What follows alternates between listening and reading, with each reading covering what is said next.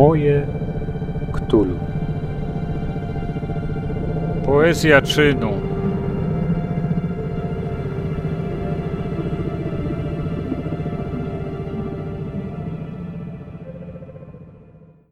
Cześć, jestem Kacper i witam Was w nowym wydaniu podcastu Moje Ktulu. Moje Ktulu to podcast przeznaczony dla graczy i strażników tajemnic, którzy chcą poszerzyć i pogłębić wymiar nadnaturalnej grozy na swoich sesjach w Zewie Cthulhu, innych grach fabularnych i wszelkich grach fantastycznych. Bardzo się cieszę z tego, że wciąż nadsyłacie do mnie komentarze, recenzje i propozycje, jeśli chodzi o treści na tym podcaście, jeśli chodzi o to, o czym chcielibyście posłuchać. Biorę to oczywiście wszystko pod uwagę.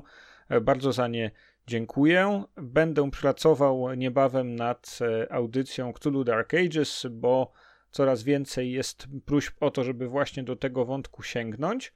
X-XI wieku, ale na to jeszcze będziecie musieli poczekać jakiś, e, jak sądzę, miesiąc, może, może półtorej, żeby e, przyszła ta audycja o Cthulhu Dark Ages. E, ale obiecuję, na pewno ona będzie. Co tymczasem nas czeka? Dziś poezja czynu. O co chodzi? Ano chodzi o Adama Mickiewicza. Myślę, że wiele i wielu spośród Was ostatnią styczność z wieszczem mogło mieć jeszcze w szkolnej ławie i mogliście nie czuć specjalnej motywacji, żeby wracać do jego twórczości w poszukiwaniu inspiracji, jeśli chodzi o, o Wasze RPGowe przygody. Ale e, ja uważam, że w tej polskiej literaturze romantycznej, zarówno u Mickiewicza, jak i u Słowackiego, u Malczewskiego, u, u wielu innych twórców, jest po prostu cały skarbiec, e, ogromny róg obfitości, inspiracji i pomysłów, które możecie wykorzystać w swoich grach wyobraźni, e, w klimatach czy gotyckiego horroru, czy, czy mitów Cthulhu, w każdym razie nadnaturalnej grozy. I dlatego postanowiłem dzisiaj przygotować taką właśnie audycję. Co to jest poezja czynu?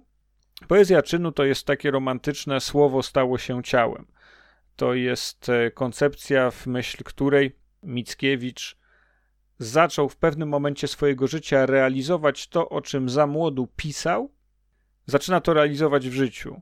Odchodzi, za, zamyka ten rozdział twórczości literackiej i mówi: OK, ciąg dalszy nastąpił, i teraz e, już nie piórem, ale z trybuny politycznej, czy, czy jako aktywista, czy jako działacz, czy jako przywódca, czy w Kole Sprawy Bożej, czy później w e, innych e, strukturach będę czynił to, co wierzę, że jest przeznaczeniem dla Polaków, co wierzę, że jest drogą do zbawienia świata. Za wiele się o tym okresie w szkole nie mówi. Jakoś tak po panu Tadeuszu, czy, czy, czy po lirykach luzańskich w najlepszym wypadku, jakoś się ten trop urywa i ostatnie kilkanaście lat życia poety jest skryte za całunem e, tajemnicy. Jeżeli sami nie chcieliście tego zgłębiać, to mogliście na lekcjach polskiego e, o tym okresie nie słyszeć. E, no, ale nawet i w tym okresie wcześniejszym literackim, w dziełach, które znacie, właśnie z lekcji polskiego, mnóstwo jest niesamowitych e, inspiracji, niesamowitych wątków, które e, fantastycznie przedstawiają świat romantycznej wyobraźni i ten właśnie gotycki, groźny wymiar w tej literaturze romantycznej. Ale może chodzi o coś więcej niż tylko o straszenie. Być może Mickiewicz ma nam coś więcej do powiedzenia niż tylko przestraszyć. Żeby odpowiedzieć na to pytanie, zaprosiłem do audycji profesora Krzysztofa Rutkowskiego, znanego specjalistę w dziedzinie literatury romantycznej, profesora Uniwersytetu Warszawskiego, który jest autorem wielu książek, zarówno poświęconych twórczości Mickiewicza, Stendala czy innych pisarzy, jak i też własnej twórczości literackiej i jest wybitnym badaczem tego mm, wątku poezji czynu i wątku integracji pomiędzy wymiarem literackim a wymiarem politycznym, duchowym pomiędzy e, słowem a czynem w twórczości Mickiewicza. Zaprosiłem go, żeby porozmawiać o dziadach i poszukać w tych dziadach takich wątków, które mogą być interesujące z perspektywy ktulowej. Poza tym, oczywiście, w audycji tradycyjnie recenzja, omówienie zasad, e, fragment e, prozatorski i garść newsów. No to co? Skoro poezja czynu, to nie mamy na co czekać. Do dzieła. Zaczynamy. Newsy.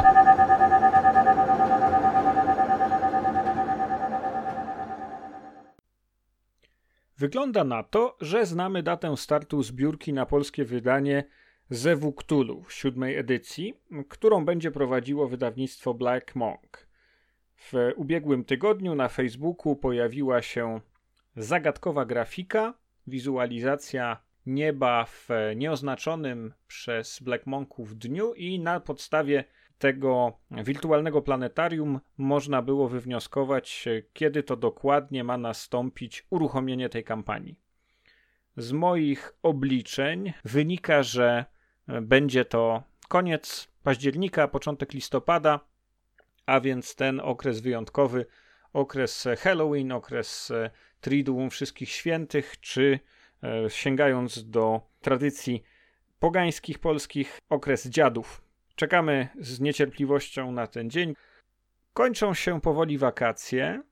Dla młodzieży szkolnej one zakończyły się w ostatni weekend. Studenci mają jeszcze trzy tygodnie laby, ale może jeszcze macie czas i może jeszcze nie macie zapełnionych kalendarzy.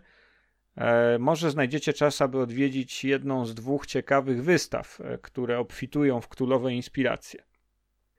Jedna z nich to wystawa Przemoc i rytuał w Neolicie, którą ja akurat miałem okazję obejrzeć w Muzeum Okręgowym w Sandomierzu, gdzie wystawa ta gości od 27 czerwca do 28 października bieżącego roku, ale ta wystawa już od kilku lat wędruje po różnych muzeach w Polsce.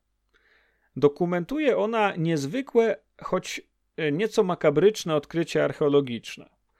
Otóż w 2011 roku w Koszycach w województwie małopolskim podczas e, badań archeologicznych prowadzonych w związku z budową e, kanalizacji odkryto kompleks obrzędowo-sepulkralny, czyli duży grób zbiorowy kultury amfor kulistych. Jest to jedna z kultur okresu neolitycznego.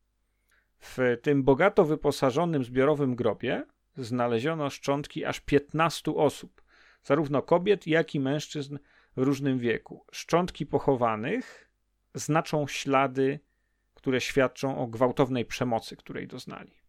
Czaszki dwóch kobiet poza otworami, które są efektem e, jakichś uderzeń toporem, noszą również ślady działania płomieni, co mogłoby wskazywać na to, że w tej kulturze, tam w tym rejonie Koszyc, funkcjonowały jakieś formy rytualnego kanibalizmu. Kto i z jakiego powodu znalazł się w koszyckim grobie?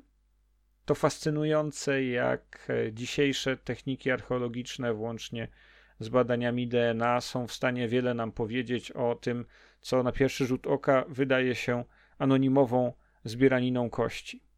Ci ludzie sprzed tysięcy lat ożywają przed nami na tej wystawie i ich szczątki opowiadają niesamowitą historię rodziny, grupy połączonej więzami pokrewieństwa i również e, więzami wspólnoty, która w e, jednym okresie w całości przestała istnieć. Czy było to związane z neolitycznymi obyczajami składania w ofierze, czy, czy zabijania na grobie jednego członka rodziny innych osób, z którymi był spokrewniony? Czy było to związane z tym, że część z nich padła ofiarą jakiejś e, nagłej przemocy i, i tak e, rozpoczęło się to domino, które zabrało aż 15 osób, od, od małych dzieci po mężczyznę w sile wieku? Wszystkiego nie wiemy, ale śledząc opisy poszczególnych szkieletów, które w tym grobowcu się znajdowały, poznajemy niesamowite wiadomości na temat diety tych ludzi, na temat ich stylu życia. Oni z poza tysiącletniej zasłony historii powracają e, do nas i opowiadają nam swoją historię. To świetna wystawa, która i zawiera sporo inspiracji królowej, a z drugiej strony też e, po prostu solidną dawkę historii i archeologii w dobrym, nowoczesnym wydaniu.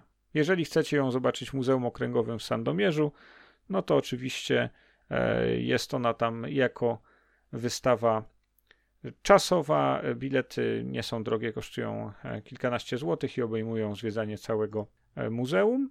Natomiast druga wystawa, którą chciałbym Wam e, w dzisiejszych newsach przedstawić, e, to aktualna wystawa w Muzeum Archidiecezji Warszawskiej na warszawskiej Starówce w cieniu e, warszawskiej archikatedry pod wezwaniem świętego Jana.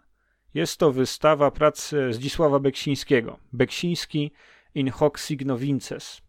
Zdzisław Beksiński nie wymaga chyba przedstawienia, to jeden z najwybitniejszych polskich malarzy XX wieku.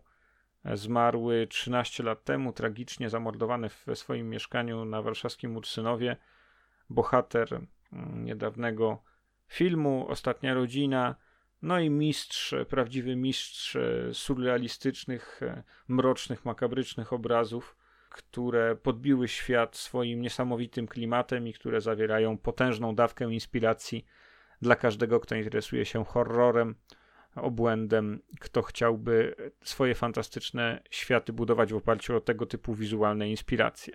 Na tej wystawie prezentowanych jest 20 obrazów.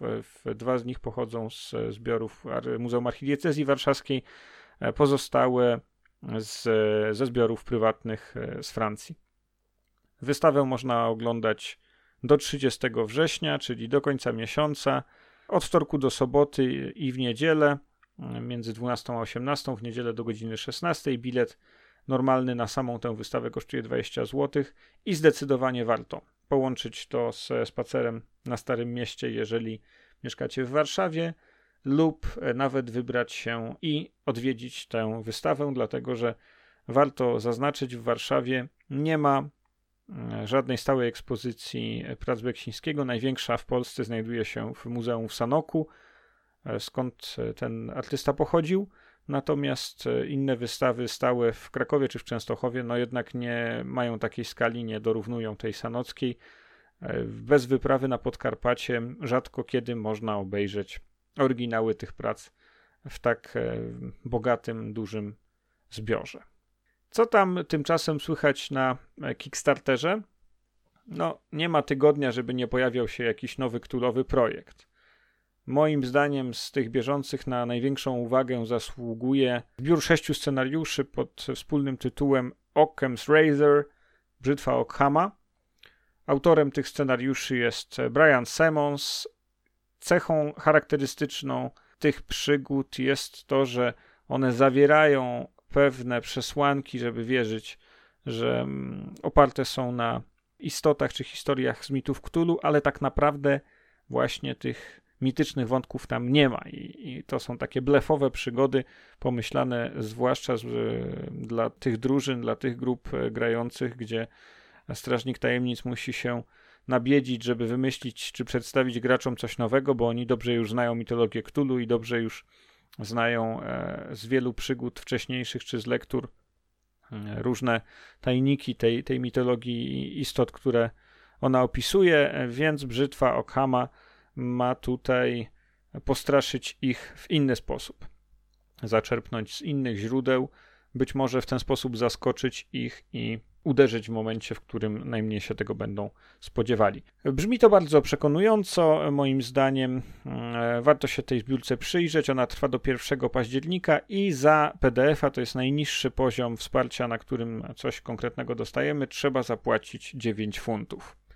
Na Kickstarterze Mamy też e, teraz jakąś inną zbiórkę a na matrioszki. To taka hiszpańska grupa artystyczna zbiera na, na matrioszki z e, Cthulhu Lovecraftem i puśćmy zasłonę, zasłonę milczenia na, na ten. E, no, jeżeli ktoś oczywiście nie może żyć bez matrioszek, czyli takiej figurki baba w babie z, z Cthulhu i Lovecraftem, no to proszę bardzo, 150 euro. No, gdzieś tu już miałem przygotowane, a nie, może jednak na to się nie zdecydują. No i jeszcze na koniec dwa słowa o nowej grze, która miała niedawno swoją premierę. Eldritch Tales do nabycia w formie PDF-a na DriveThru Jest to propozycja dla tych, którzy są fanatykami mechanik opartych na D20, a chcieliby spróbować przygód w światach Lovecraftowskich, światach mitów Cthulhu Zachęcająca zielona okładka. Podręcznik kosztuje tylko 9 dolarów 99 centów. W środku jest e, dość skromny, graficznie nie, niepowalający. Jeżeli komuś jest to potrzebne do szczęścia, żeby wypróbować tę klasyczną mechanikę znaną z dedeków e, w swoich przygodach Lovecraftowskich, to oczywiście można po to sięgnąć, ale no były już wcześniej takie próby wprowadzenia D20 do Zewu Cthulhu. Czy one są y, udane, czy, czy to ma sens, to temat na osobną rozmowę. Tymczasem z kronikarskiego obowiązku odnotowuję ukazanie się tej gry Eldritch Tales Lovecraftian White Box Role Playing.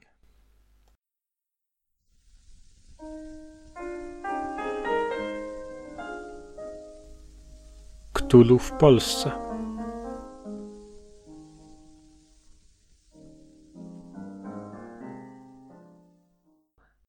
I pierwsze pytanie, które chcę Ci zadać, dotyczy dziadów e, Mickiewicza, e, a szczególnie dziadów jako mm, no tego, co, co w, w prologu Mickiewicz mówi, to znaczy, że inspiruje się jakimiś obrzędami mm, pogańskimi, które funkcjonują jeszcze na Litwie.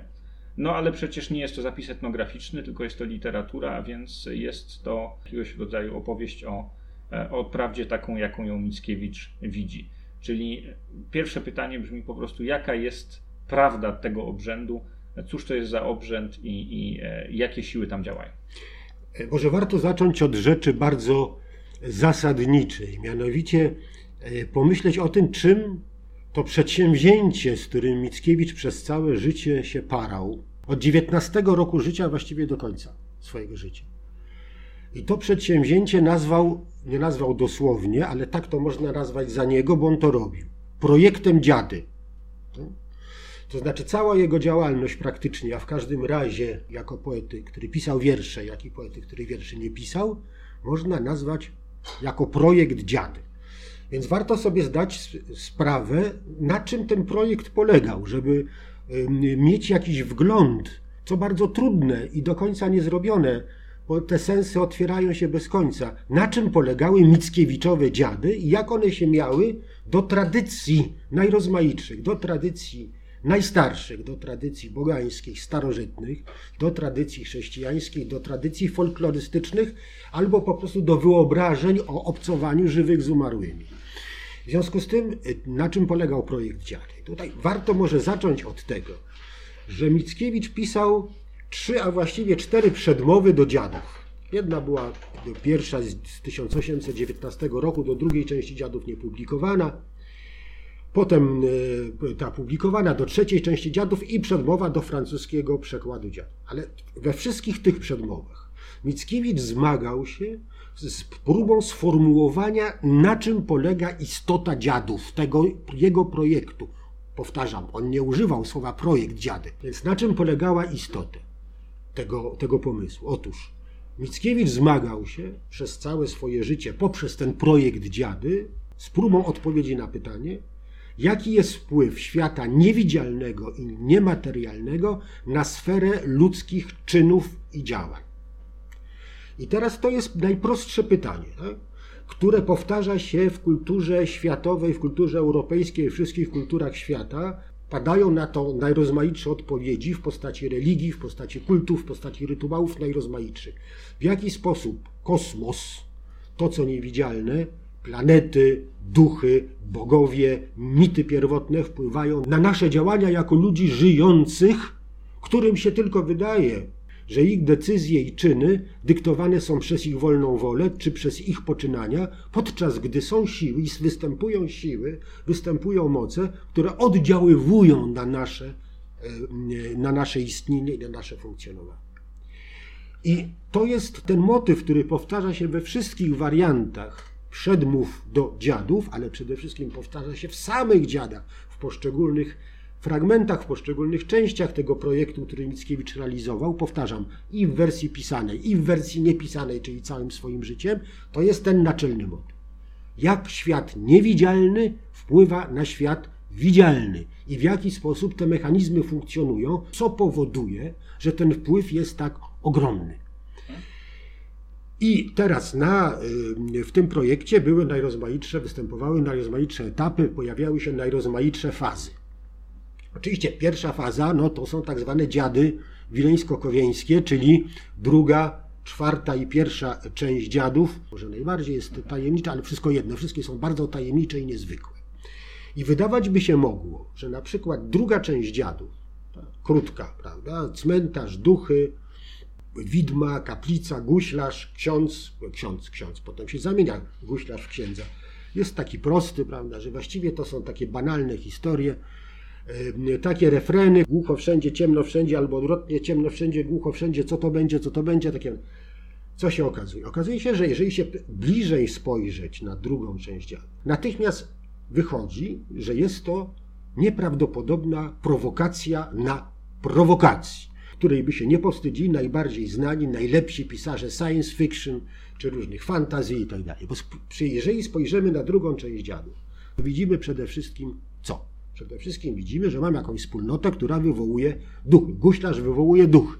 Najpierw lekkie, małe duchy, prawda, Juzio i Ruzia, potem jest widmo złego pana, czyli duch ciężki, potem duch średni i wszystko przebiega wedle jakiegoś rytuału.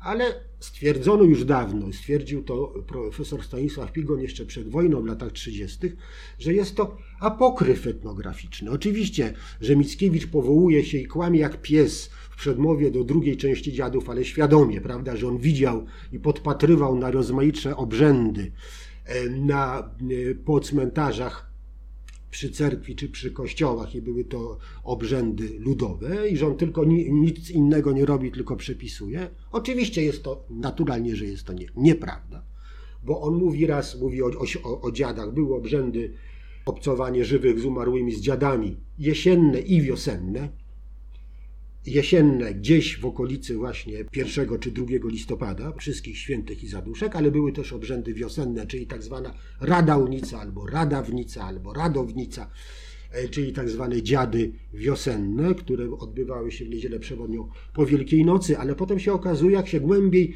etnografowie poszperali, to się okazuje, że istota folkloru ludowego nie tylko tamtych okolic, nie tylko Litwy, Białorusi, nie tylko e, kresów wschodnich dawnej Rzeczpospolitej, ale właściwie na całym świecie, czy jest to Turcja, czy Afryka, czy Australia, e, czy też Ameryka Środkowa czy Południowa, polegały na tym, że obrzędy obcowania ze zmarłymi tak, odbywały się właściwie co tydzień, a właściwie co dzień. Także święto dziadów odbywało się non-stop w różnych, w różnych układach, w różnych. Ale to, co Mickiewicz opisuje jako coś, co jest rzeczywistym rytuałem ludowym, folklorystycznym, jest oczywiście zmyśleniem, dlatego że Mickiewicz to doskonale przetworzył w, w najrozmaitszych wariantach. Jeżeli zastanawiamy się nad tym, o co, kiedy pojawiają się duchy, na przykład duchy Józia i Ruzi, no, są dzieci, które czego chcą, pyta Guślarz. No. No, no, my jesteśmy w raju, no przecież to są duszyczki, które niczego złego nie zrobiły, wręcz przeciwnie. Ale im jest źle w tym, ale chcą do nieba. To jedna z wielkich prowokacji Mickiewiczowych. No dobrze, no w takim razie czym jest lepsze niebo od raju? Znaczy, a gdzie jest różnica? No, czego te dzieci chcą w gruncie rzeczy? W raju niedobrze, no, do nieba. No, ale prowokacje się mnożą, prawda? Z kolei pojawia się widmo złego pana, które nie chce ani do raju, ani do piekła, ani do nieba, tylko wreszcie, żeby się pozbyć tych resztek cielska. Prawda? Znaczy chce uzyskać byt, bo to jest niedoduch chce uzyskać jakiś status, chociażby zmarłego. Co również, jeżeli patrzy się na, na najrozmaitsze odsyłacze, czy do folkloru, czy do katechizmu Kościoła katolickiego, czy też innych wyznań, nie jest oczywiste. To jest kolejna prowokacja. No i trzecia Zosia, która nie dotknęła e, ziemi ni razu, no i oczywiście tam podteksty erotyczne są wyraźne, ale też e, nie tylko. W każdym razie to, co jest najważniejsze, to jest to, że w wypadku tych trzech duchów drugiej części dziadu się pojawi tych widm to jest to, że one gadają. One mówią, jeszcze na dodatek pouczają, jeszcze jakieś prawdy objawiają. Podczas gdy jak się patrzy na, na folklor, czy to ziem tamtejszych właśnie dakresów, mówię w uproszczeniu dawnej Rzeczpospolitej, Białoruś, Białoruś, Litwa itd., tak itd., tak no to duchy nie gadają. To znaczy się obcuje z duchami tak, że się częstuje, prosi się o ich przychylność, albo żeby przynajmniej nie szkodziły człowiekowi, tak? ale duchy nie gadają. Ale ich obecność jest cały czas i jeżeli na przykład Stanisław Wincent, jeden z największych znawców takiego prawdziwego folkloru tamtych ziem, powoływał się na różne źródła i pisał między innymi o tym, że czy on rozmawiał, czy inni rozmawiali z, z ludźmi, którzy uczestniczyli w takich obrzędach, powiedzmy odpowiednikach dziadów. I, i, I, pytanie następuje, jak to się ma do, do chrześcijaństwa? No czy to, to jest chrześcijańskie, czy nie? A co to zaraz, zaraz? Czy to nie bogańskie obrzędy? Na co tamtejsi odpowiadali zaraz, zaraz, a co to znaczy bogańskie obrzędy? No my wszystkie takie same zawsze były. I one zawsze były z nami. I Vincent mówi o zawiasach powrotu. O zawiasach powrotu, że istota tego, co się nazywa prawdziwym folklorem tamtych ziem, ale to nie tylko tamtych ziem, bo on doskonale sobie zdaje sprawę, że to, co łączy prawdziwy folklor najrozmaitszych kultur na świecie, to jest właśnie obcowanie żywych z umarłymi, troska o obcowanie tych dwóch półkul wszechświata, widzialnej i niewidzialnej, który artykułuje się na, na najrozmaitsze sposoby. I e, te trzy duchy, które wymieniłeś, one e, zdają się rzeczywiście w taki apokryficzny sposób spotykać się z tą wspólnotą. Można byłoby powiedzieć, że one są ubrane taką szatę gotycką. One zamiast po prostu obcować na co dzień, przychodzą w rytuale, w obrzędzie wywoływania duchów. Natomiast w drugiej części dziadów jednak pojawia się też duch zgoła inny. Duch, który nie jest oswojony przez pryzmat właśnie czy tych gotyckich motywów wywoływania duchów, czy przez władzę, którą daje magia i wiara tej wspólnocie i guślarzowi, który ten obrzęd prowadzi, tylko duch, który wywołuje w nich prawdziwe przerażenia, z którym nie są w stanie sobie poradzić, które, z którym nie potrafią się skonfrontować w ramach tego obrzędu i w ramach swojego systemu e, poznawczego, swojego, swojego systemu magiczno-religijnego. Tutaj to jest, to jest ciekawy moment gdzieś tam w okolicach 570-580 wersu części drugiej dziadów, w którym na tę wspólnotę pada prawdziwy strach. Oni w tym momencie, można powiedzieć, sytuacja wymyka się spod kontroli. Co tam się wtedy dzieje? No właśnie, więc teraz wspominałem o różnych prowokacjach Mickiewicza w drugiej części dziadów. Jak się uważnie czyta, w końcu ten niedługi, wydawałoby się znany, yy, znany fragment, to wszystko wydaje się jasne, podczas gdy nic tam nie jest jasne. I nagle mamy do czynienia z taką gigantyczną prowokacją. Bo oto pojawia się to widmo które wprowadza w panikę nie tylko wspólnotę, bo wspólnota i guślarz mieli wspólne poglądy, prawda? Są duchy, przywołujemy, duchy gadają, duchy odchodzą, pytamy czego chcą. A tutaj pojawia się coś, jakieś takie istnienie, które jest nie, nieodgadnione i dla guślarza, i dla wspólnoty, no, które niczego nie słucha, nie słucha wyzwań. I co się okazuje? No przecież guślarz powiada, że to przekracza rozum człowieczy. Guślarz tak powiada. Czyli te duchy i te e, widma, które się do tej pory pojawiały, są zgodne z tym, co mieści się w rozumie człowieczym. Mhm. Wszystko jest w porządku. Pojawiają się duchy, znikają, gadają, jęczą, czegoś chcą. Wszystko się zgadza. To obejmuje rozum człowieczy. Mhm. A tutaj mamy do czynienia, nagle pojawia się coś, na co nic nie działa. Po pierwsze, to widmo milczy i nie chce gadać. Straszne.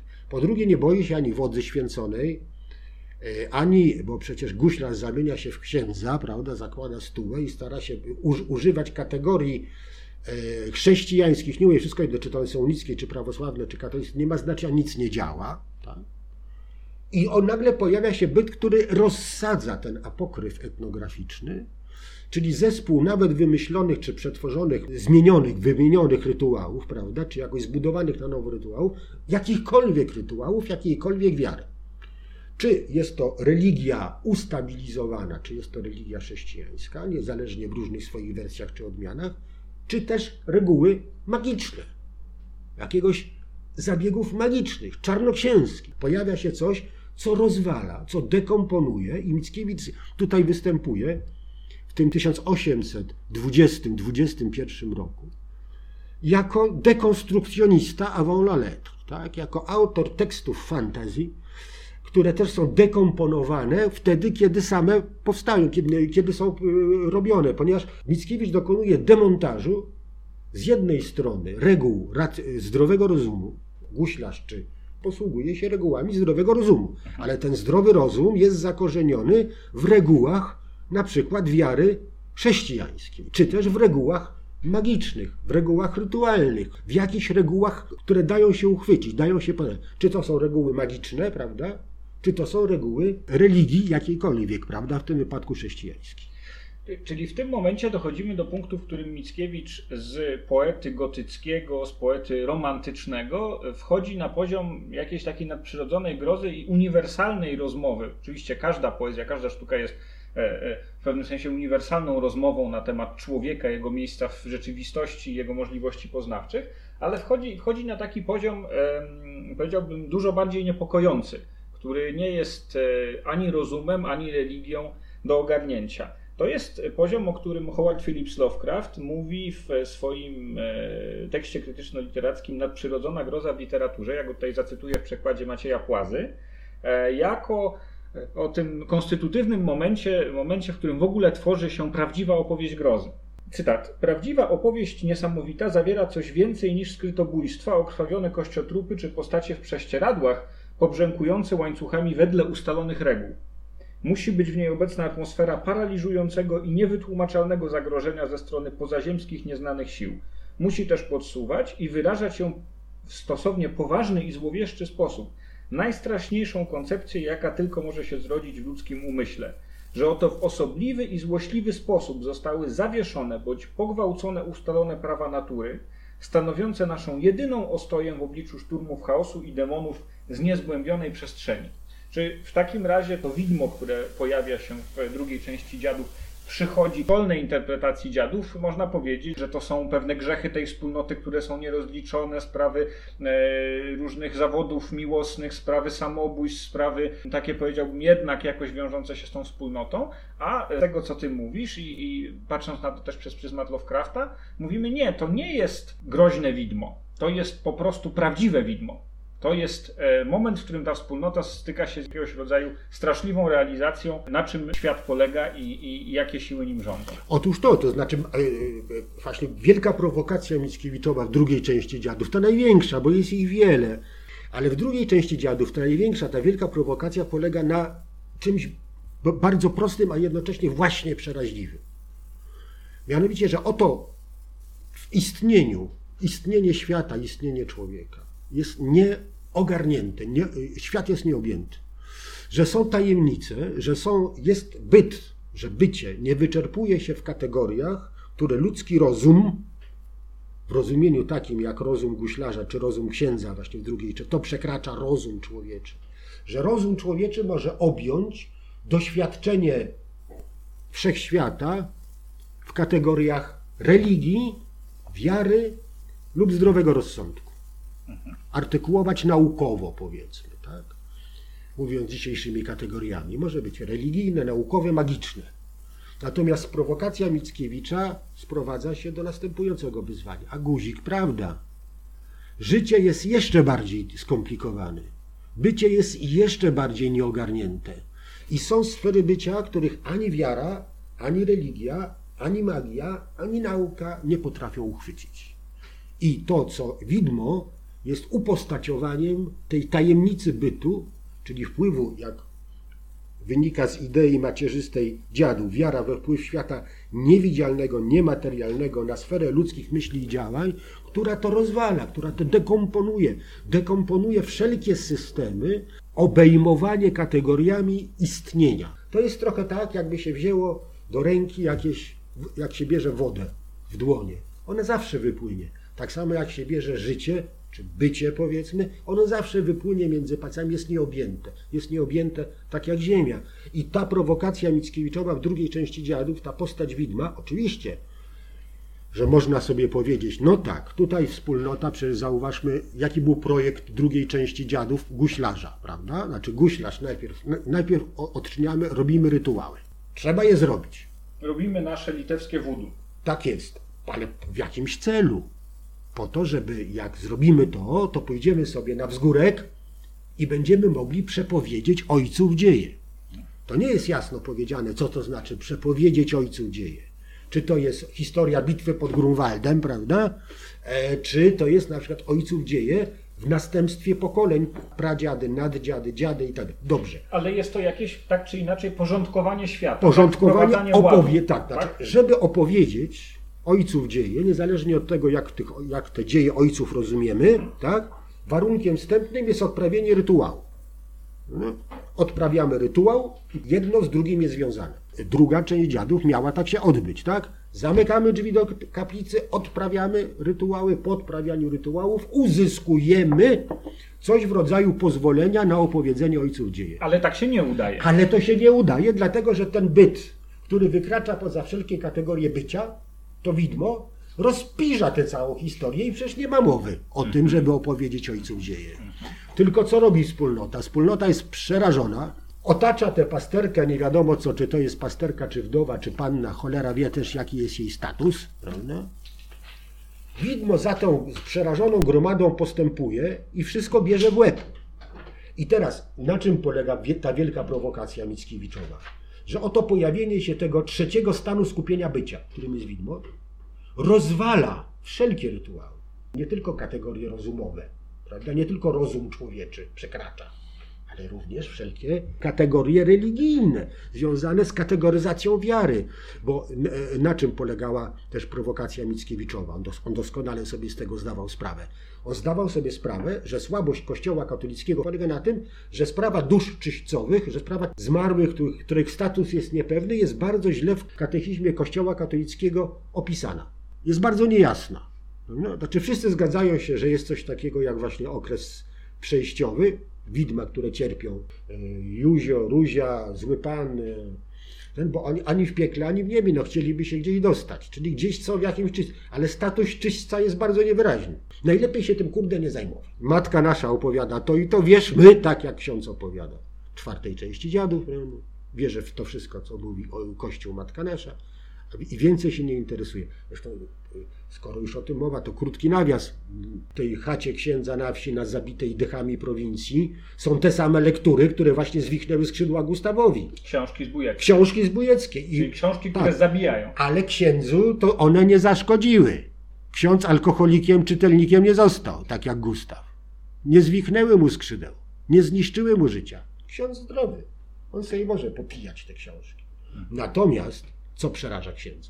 Co pełen guślarstwa obrzęd świętokradzki, o który, po który przyszedł e, pustelnik Gustaw. Czyli co? No czyli te dziady, czyli te rytuały, ale rytuały, które nie mieszczą się w żadnych kategoriach rytualnych.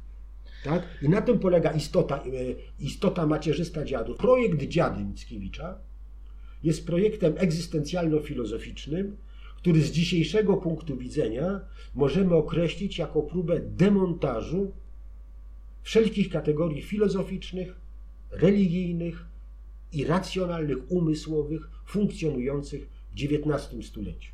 Jest to taki projekt, który jest nadal żywy, między innymi cały czas funkcjonuje, ponieważ jest taka machina pozwalająca na rewizję i demontaż wszelkich możliwych systemów e, czy kategorii myślenia, które pojawiają się obecnie.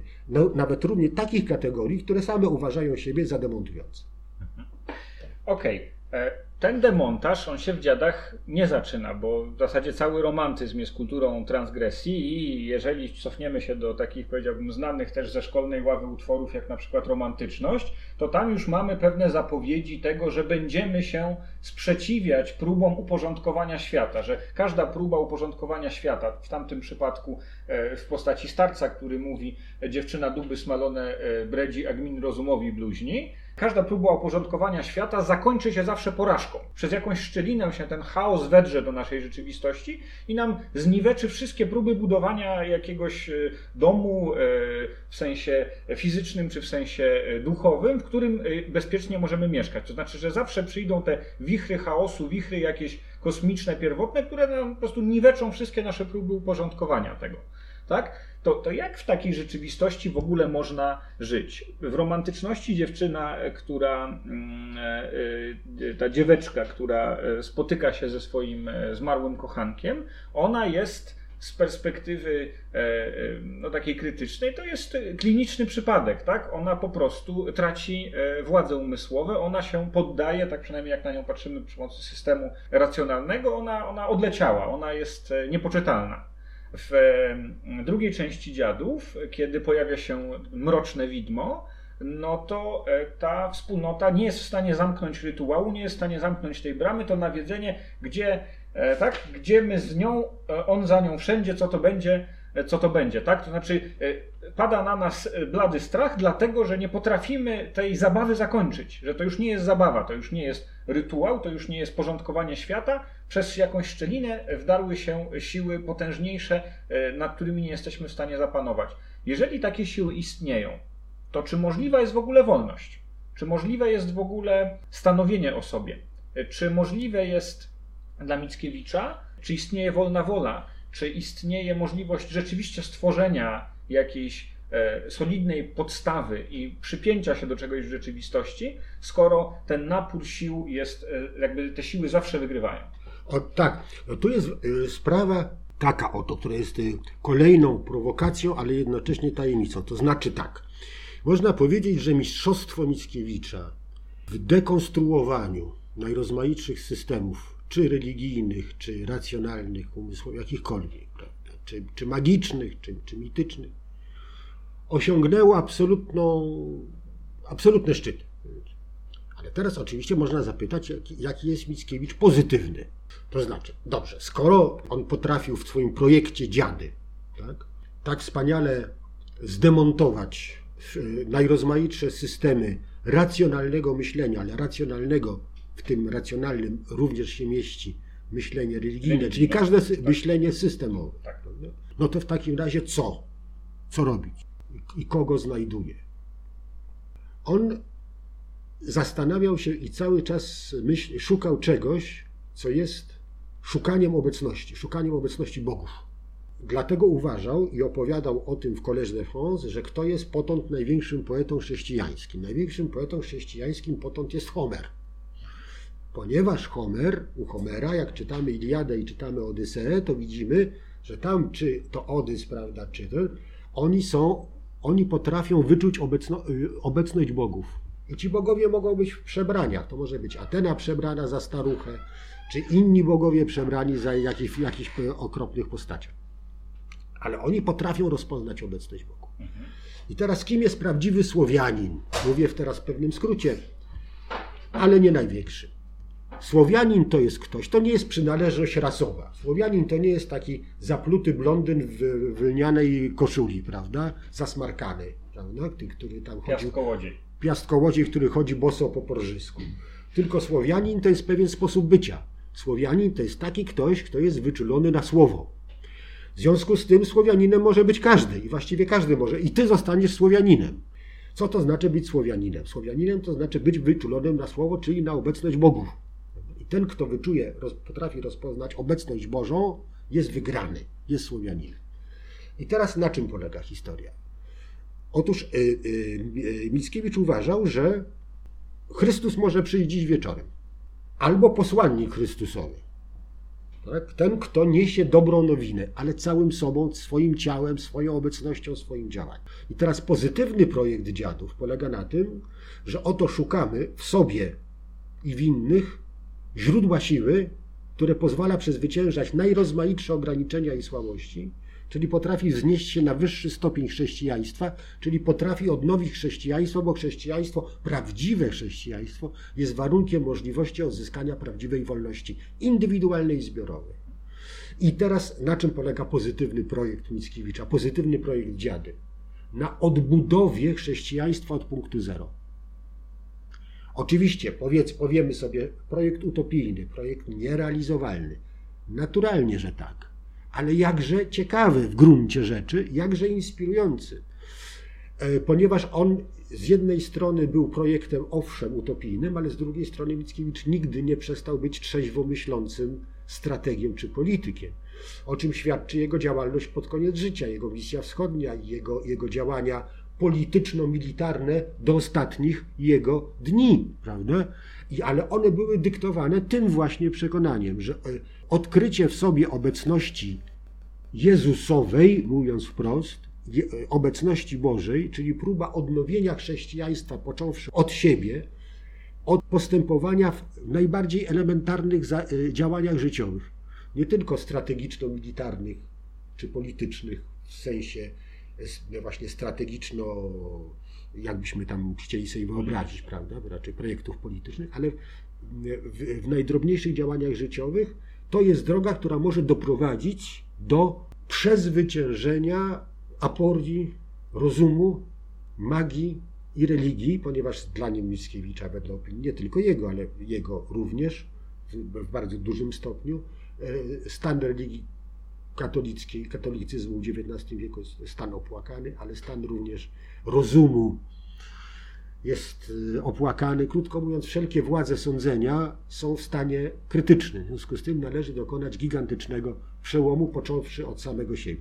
To w wypadku Mickiewicza przybierało, powtarzam, nieraz formy groteskowe, nieraz rzeczywiście śmieszne, ale, ale należy je traktować poważnie i on siebie samego traktował poważnie do ostatniej chwili swojego tubycia ziemskiego i należy mu się za to ogromny szacunek. Znaczy szacunek odnowienia z siebie samego, swojej egzystencji pozasystemowe, poza kategoriami ustalonymi, poprzez wyczulenie na obecność, prawdziwą obecność świata niematerialnego w codzienności. Czyli to, co stanowiło ideę macierzystą dziadów od czasów młodzieńczych, Mickiewicz prowadził konsekwentnie do końca, błądząc, narażając się na śmieszności, narażając się na najrozmaitsze, czasami sprawiedliwe, ale najczęściej zupełnie niesprawiedliwe ataki, ale był w tym niesłychanie konsekwentny. Idea macierzysta dziadów była wcielana od wczesnej młodości aż do śmierci przez niego. W tym sensie Mickiewicz ustawia siebie jako poetę, jako człowieka, jako takiego badacza tajemnic, tak? To znaczy, że jeśli biblijnie powiemy, że rzeczą Bożą jest tę prawdę skrywać,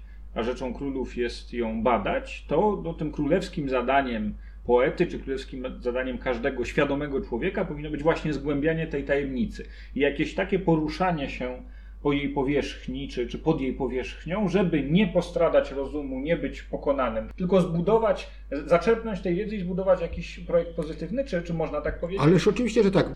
To znaczy nie można żyć w czasie odświętnym zmagań się przez całe życie, ponieważ cię rozerwie to. Znaczy musisz sobie dać odpuścić trochę, ale z drugiej strony nie odpuszczaj sobie całkowicie, bo inaczej niczego nie zrozumiesz z tego, z tego świata. Ergo, odkryć sobie Słowianina, jak odkryje poeta sobie Słowianina, to będzie czuły na objawienia, czyli nie przegapi drugiego przyjścia, bo to, to o to idzie.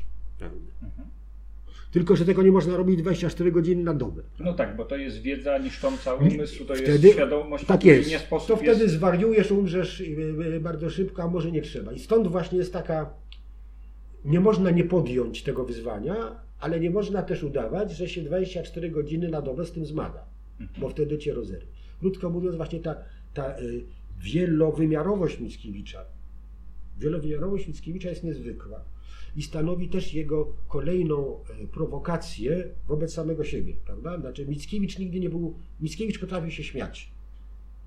To nie jest tak, że Mickiewicz się nie uśmiechał, czy nie, czy nie, nie kpił z, siebie samego, czy z innych, czyli do, do, do ostatniej chwili. No e, więc tak, więc projekt Dziady to jest projekt na poezję, która jest poezją pisaną i poezję niepisaną, na sposób bycia i na, i, i, na, na sposób istnienia i na sposób zmagania się z demonami, y, które człowieka y, w sposób konieczny i nieunikniony osaczają przez całe życie. I jednocześnie to jest projekt dziady, to jest projekt na odnowę chrześcijaństwa podejmowaną w samotności, wbrew wszystkim,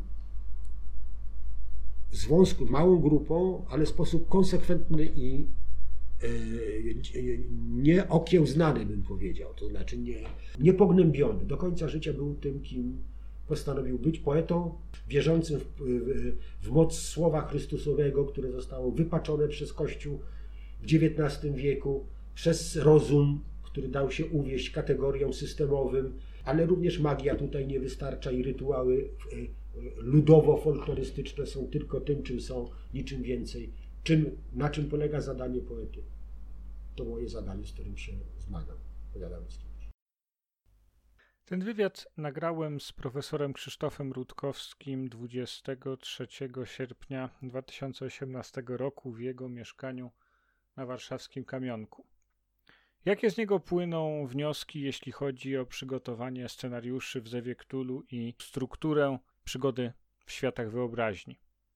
Myślę, że to, co zasługuje na szczególne podkreślenie, to po pierwsze, że folklorystyczne źródła, folklorystyczne elementy grozy są dobrym miejscem, z którego można zacząć, są, są dobrym źródłem inspiracji, ale nie mogą same w sobie wystarczyć do zbudowania dobrej, przekonującej historii nadnaturalnej grozy. Natomiast jeżeli doprowadzimy w, do pewnego momentu, używając tych tropów, tych motywów folklorystycznych, tych motywów etnograficznych, fabułę i wyznaczymy granicę, poza którą zaczyna się nadnaturalna groza, to mamy szansę osiągnąć właśnie efekt niesamowitości, ten tak bardzo pożądany w Zewie Cthulhu, dlatego że z jednej strony będziemy mieli obrzędy, czy to będzie Noc Kupały, czy Dziady, czy jakieś inne obrzędy pogańskie, czy być może e, obrzędy mm, e, również chrześcijańskie albo jakiejś innej religii, które są znane, rozpoznawalne, które wasi gracze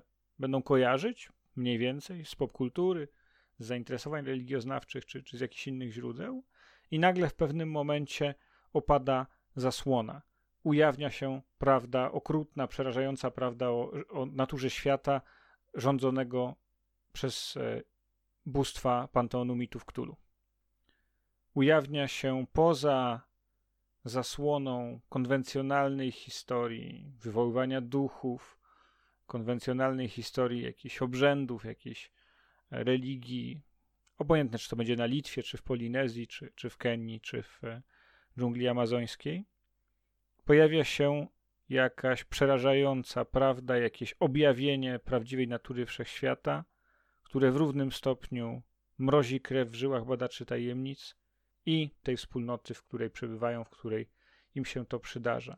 To znaczy, nie ma sensu odkopywać w dziadach e, litewskich czy w jakichś rytuałach, e, nie wiem, Melanezji albo, albo Syberii, tych źródeł mitycznych, więcej jest potencjału grozy w nadbudowaniu, w dodaniu do tego, co jest prawdziwe, e, tego elementu nadnaturalnego.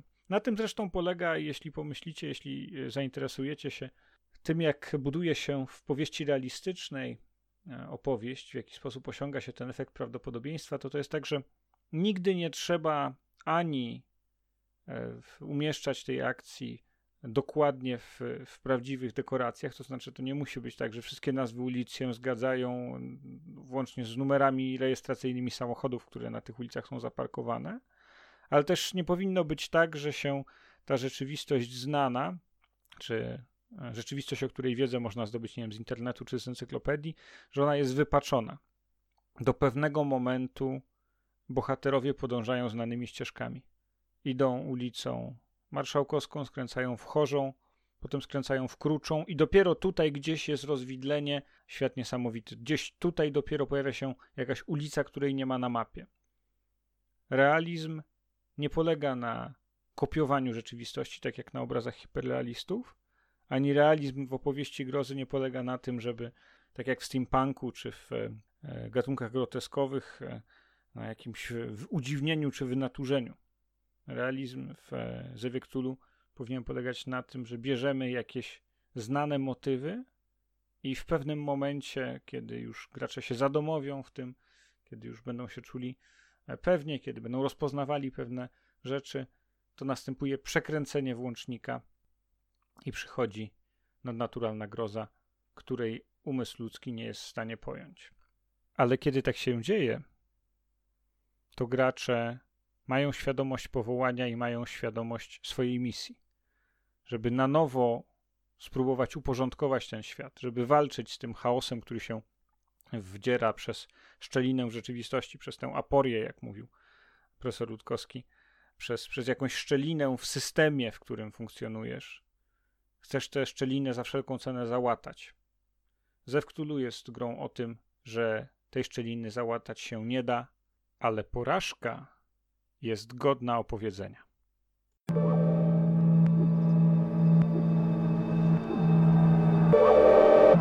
Recenzja. Przez całą dzisiejszą audycję przewija nam się temat opozycji czy relacji pomiędzy grozą Lovecraftowską, między mitami Cthulhu, a opowieściami o duchach, a różnymi innymi sposobami poszukiwania tych, tych mrocznych, przerażających wątków rzeczywistości. Chciałbym w związku z tym opowiedzieć Wam o ciekawym scenariuszu, który ukazał się no już 16 lat temu w takim fanowskim wydawnictwie w wydaniu zerowym serii The Unbound Book w sierpniu 2002 roku. Jest to scenariusz What Goes Around Markusa Bone. The Unbound Book jest bezpłatnym czasopismem. Ukazały się trzy numery, numer zerowy, pierwszy i drugi. One są do pobrania ze strony forum Joksotow. Także możecie, jeżeli ta recenzja Was zaciekawi, bezpłatnie mm, pobrać sobie te materiały i przygotować na ich podstawie własne sesje. Przygoda What Goes Around jest e, osadzona w klasycznym nowoangielskim miejscu Lovecraftowskim, czyli po prostu Warkham, zaplanowana do rozegnania w 2021 e, roku, ale nie ma tutaj wielkich e, problemów, aby przenieść ją w inne miejsce, czy, czy w inny okres, albo do innego roku. To, co jest charakterystyczne dla tej przygody, to właśnie ona należy do tej części dorobku fanowskiego i, i niefanowskiego Ktulowego, która się nie odnosi bezpośrednio do mitologii Ktulu, a mimo tego jest w stanie zaoferować jakąś e, ciekawą akcję, jakąś ciekawą fabułę mm, i trochę emocji dla graczy na sesji. Przygoda ta What Goes Around e, kręci się wokół postaci z mitologii słowiańskiej, a konkretnie z e, baśni i bajek rosyjskich, czyli synów e, Welesa, synów, synów Wołosa. Jest to o tyle ciekawe, że pokazuje w jaki sposób różne siły mogą mieć wpływ na zdarzenia i że nie wszystko na świecie kręci się wokół mitów Ktulu. Nic z tym zresztą nie ma dziwnego, skoro miliardy ludzi na świecie po prostu nie wiedzą, nigdy się nie dowiedzą tej prawdy o naturze wszechświata, którą dają nam e, mity Cthulhu, którą daje nam ta zakazana wiedza. A mimo tego przecież świat wyobraźni i cały ten świat kulturowy zaludniony jest przez tysięczne zastępy wszelkiego rodzaju duchów, demonów, bóstw. Warto raz na jakiś czas e, przerwać e, rutynę, wytrącić trochę graczy z tego przyzwyczajenia, że na każdej sesji albo w każdej przygodzie kolejnej będą pojawiały się jakieś kolejne elementy ktulowej e, układanki i zaproponować coś innego. To właśnie przygoda What Goes Around bardzo dobrze e, daje, e, odwołując się właśnie do mitologii słowiańskiej do tych synów Welesa. Cała przygoda jest typowo dochodzeniowa. Jest tutaj pewien element zagrożenia dla badaczy tajemnic, który ma ich motywować do tego, żeby poważnie zająć się sprawą. Jest konkretne zadanie do wykonania i bardzo dobrze sprecyzowany przeciwnik. Jest to w sumie prosty scenariusz, nie wymagający jakichś nadzwyczajnych przygotowań. Jedynym jego słabym punktem, jak sądzę, jest to, że trzeba, e, przygotowując się do prowadzenia tej przygody, dosyć dobrze przemyśleć, w jaki dokładnie sposób od tej sceny ekspozycyjnej przejdziemy do właściwego dochodzenia, dlatego że jest tutaj obawa, że gracze mogą stracić zainteresowanie na chwilę tym, co się wydarzyło, nie wiedzieć dokładnie, jak podjąć trop, a potem, mm, ponieważ tutaj wszystkie wydarzenia rozgrywają się na przestrzeni jednego dnia, to może być już za późno na realizację głównych celów e, przygody i po prostu e, zmieni się to w, walkę o życie, w jakieś ratowanie się przed nadciągającym niebezpieczeństwem. Żeby nie spoilować, e, to więcej nie powiem. Myślę, że jest to bardzo fajny przykład nurtu, który co jakiś czas powraca, przygód niezwiązanych z mitami Cthulhu. Mieliśmy dwa lata temu wspaniały zbiór tego typu przygód The Things We Leave Behind, również obsypany nagrodami. Teraz mamy zbiórkę na The Occam's Razor, na zbiór sześciu scenariuszy z mitami niezwiązanych jako element takiego makowca, jako element tego, tego przekładańca fabularnego w skali większej kampanii, uważam, że jest to element obowiązkowy. A jeżeli szukacie takiej bezpłatnej przygody, którą chcielibyście wprowadzić do tego mało znanej, bardzo małe szanse, że ktoś z waszych graczy miał z nią wcześniej do czynienia, to przygoda What Goes Around doskonale się do tego nadaje. Jest e, oczywiście również jej pewną zaletą to, że jest e, bezpłatna. Jeżeli zwrócicie uwagę i dobrze opracujecie ten e, jeden moment takiego przestoju, czy jeden moment, w którym się ten cały łańcuszek zdarzeń niezbyt dobrze, niezbyt ciasno spina i gdzie, gdzie, gdzie można stracić zainteresowanie graczy, to gwarantuję, że ta prosta przygoda będzie źródłem dobrych, dobrych wrażeń na sesji, dlatego z przyjemnością, również zwłaszcza, że jest to wydawnictwo fanowskie, a przygotowane mm, profesjonalnie, wystawiam jej w skali szkolnej ocenę 4. Jeśli chcecie wprowadzić wątki niemityczne, to ta przygoda po pierwsze fajnie się do tego nadaje, jeśli chcecie pozostać w obszarze Nowej Anglii, w, tej klasycznej ojczyźnie Lovecrafta. Ma ona jeszcze drugą zaletę, taką, że wprowadzając wątki mitologii słowiańskiej, może być początkiem do tego, żeby wysłać graczy, zaangażować badaczy tajemnic w jakieś poszukiwania w Europie i być może w ten sposób, czy przez Rosję Radziecką, czy, czy przez Europę Zachodnią, jakoś być może skierować ich postaci do Polski, a wtedy będziecie mogli wykorzystać e, inspiracje i pomysły na przygody, które przedstawiam w stałej rubryce Ktulu w Polsce. Kończąc, e, jeszcze raz polecam tę przygodę waszej uwadze. Nie wymaga dużych przygotowań, możecie poprowadzić ją praktycznie z dnia na dzień przy pomocy tego, co zawarte jest w tym dodatku.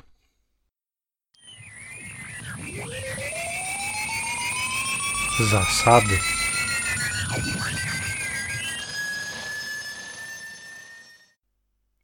Nie należy zapominać o tym, że w czternastym rozdziale podręcznika głównego do Zewu do siódmej edycji, jest sekcja trzecia, często pomijana.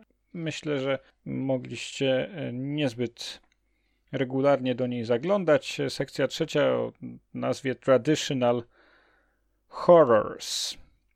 Tejże sekcji mamy opisy takich istot jak mumia, ożywiony szkielet, wampir, wilkołak, zombie, e, no i właśnie duch, czyli mamy tutaj istoty z tradycyjnej literatury grozy, niezwiązane z mitami Cthulhu, które jednak, jak próbuję Was przekonać w tej audycji, mają miejsce w Waszych scenariuszach i w Waszych przygodach w Zewie Cthulhu i mogą dostarczyć dużo pozytywnych e, emocji, jeżeli oczywiście uważacie strach za pozytywną emocją na waszych e, ktulowych sesjach. Chciałbym skupić się na duchu, który otwiera tę sekcję trzecią. Jak w zasadzie twórcy siódmego wydania z Wuktulu wyobrażają sobie wykorzystanie postaci ducha na, na sesji? Duch to jest y, istota, która jest no, dość wyjątkowa w skali całego bestiariusza, w skali całego czternastego rozdziału, ponieważ nie posiada ona w ogóle e, pełnych statystyk. Jest opisywana wyłącznie przez pryzmat inteligencji i mocy, e, ponieważ nie ma żadnej formy fizycznej i e, ta inteligencja i moc wyłącznie jest, są używane mechanicznie. Oczywiście duchy w Zewie podobnie jak w literaturze, podobnie jak w, w tradycji czy kulturze w naszym świecie, pojawiają się głównie tam, gdzie w jakiś sposób są niezałatwione sprawy, gdzie w jakiś sposób energia w świecie fizycznym uniemożliwia im odejście do zaświatów e, i gdzie będą dręczyć, e, starać się zwrócić uwagę żyjących e, po to, aby ich problemy były w jakiś sposób rozwiązane. Czy to będzie w formie kontaktów przez seans spirytystyczny, czy przez związek z jakimś miejscem albo z jakimś wydarzeniem, które będzie sprawiało, że te duchy będą się objawiać. W Zewie Cthulhu e, mamy tutaj e, zostawioną dużą dowolność odnośnie tego, jakie zadanie trzeba wykonać, co trzeba zrobić, żeby tego ducha uwolnić. To może być oczywiście zniszczenie jakiegoś przedmiotu, który trzyma ducha na ziemi, albo E, znalezienie szczątków e, osoby, z której ten duch się wyłonił e, i pogrzebanie ich. Może to wymagać egzorcyzmów. Tutaj oczywiście należałoby to osobno opracować mechanicznie, czy w jakiś sposób przez kontakt z tym duchem przyjęcie od niego prośby i spełnienie jego, jego oczekiwań. Duch ma w Zewie Cthulhu tylko jeden element mechaniczny i tym elementem jest e, atak duchowy. Polega on na porównawczym rzucie na moc, e, moc ducha, określaną arbitralnie przez strażnika tajemnic przed sesją, versus moc badacza tajemnic, którego ten duch nawiedza, jeżeli w ogóle ma taki plan, aby, aby szkodzić, aby mm, jakiś taki atak przeprowadzać. I jeżeli e, bohater, jeżeli badacz tajemnic e, przegra ten pojedynek, to traci 2K10 punktów mocy. W przeciwnym wypadku pozbawia ducha 2K10 punktów mocy. W wypadku duchów e, potężniejszych będzie to ryzyko straty nawet 3K10 punktów mocy. Człowiek zawsze duchowi zadaje maksymalnie 2K10, maksymalnie 20 punktów mocy obrażeń, aż do wyczerpania tej mocy ducha, co będzie oznaczało, że on w jakiś sposób się rozwieje, odejdzie. Nie wiadomo. Być może, jeżeli źródło tej mocy to jest e, jakiś przedmiot magiczny, czy jakieś miejsce w e, rzeczywistości, to nadal powróci. Wcale to nie znaczy, że ten duch zostanie na, na zawsze wygnany czy, czy, czy wyegzorcyzmowany. Jak widzicie, duchy są dość e, szkicowo i ogólnie opisane w e, siódmej edycji Zewu Cthulhu, ale bardzo dobrze odpowiada to ich funkcji. One są przede wszystkim przeznaczone do komunikowania pewnych próśb, do komunikowania pewnych wiadomości, a nie do tego, żeby brały udział w, w, w pełnych mechanicznych e, starciach. Gdyby było inaczej, to Szekspir pisząc Hamleta zapewne wyposażyłby ducha ojca w jakiś miecz, czy, czy, czy przynajmniej kuszę, żeby on swojemu synowi pomógł w wykonaniu zadania. No, wcale tak nie jest. Kulturowo duchy są istotami eterycznymi, które wchodzą w bardzo ograniczone interakcje z żyjącymi ze śmiertelnikami. Podobnie wygląda to z perspektywy mechanicznej w siódmej edycji Zewu Cthulhu.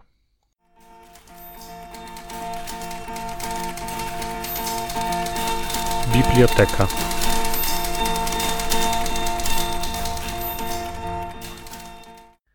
Adam Mickiewicz.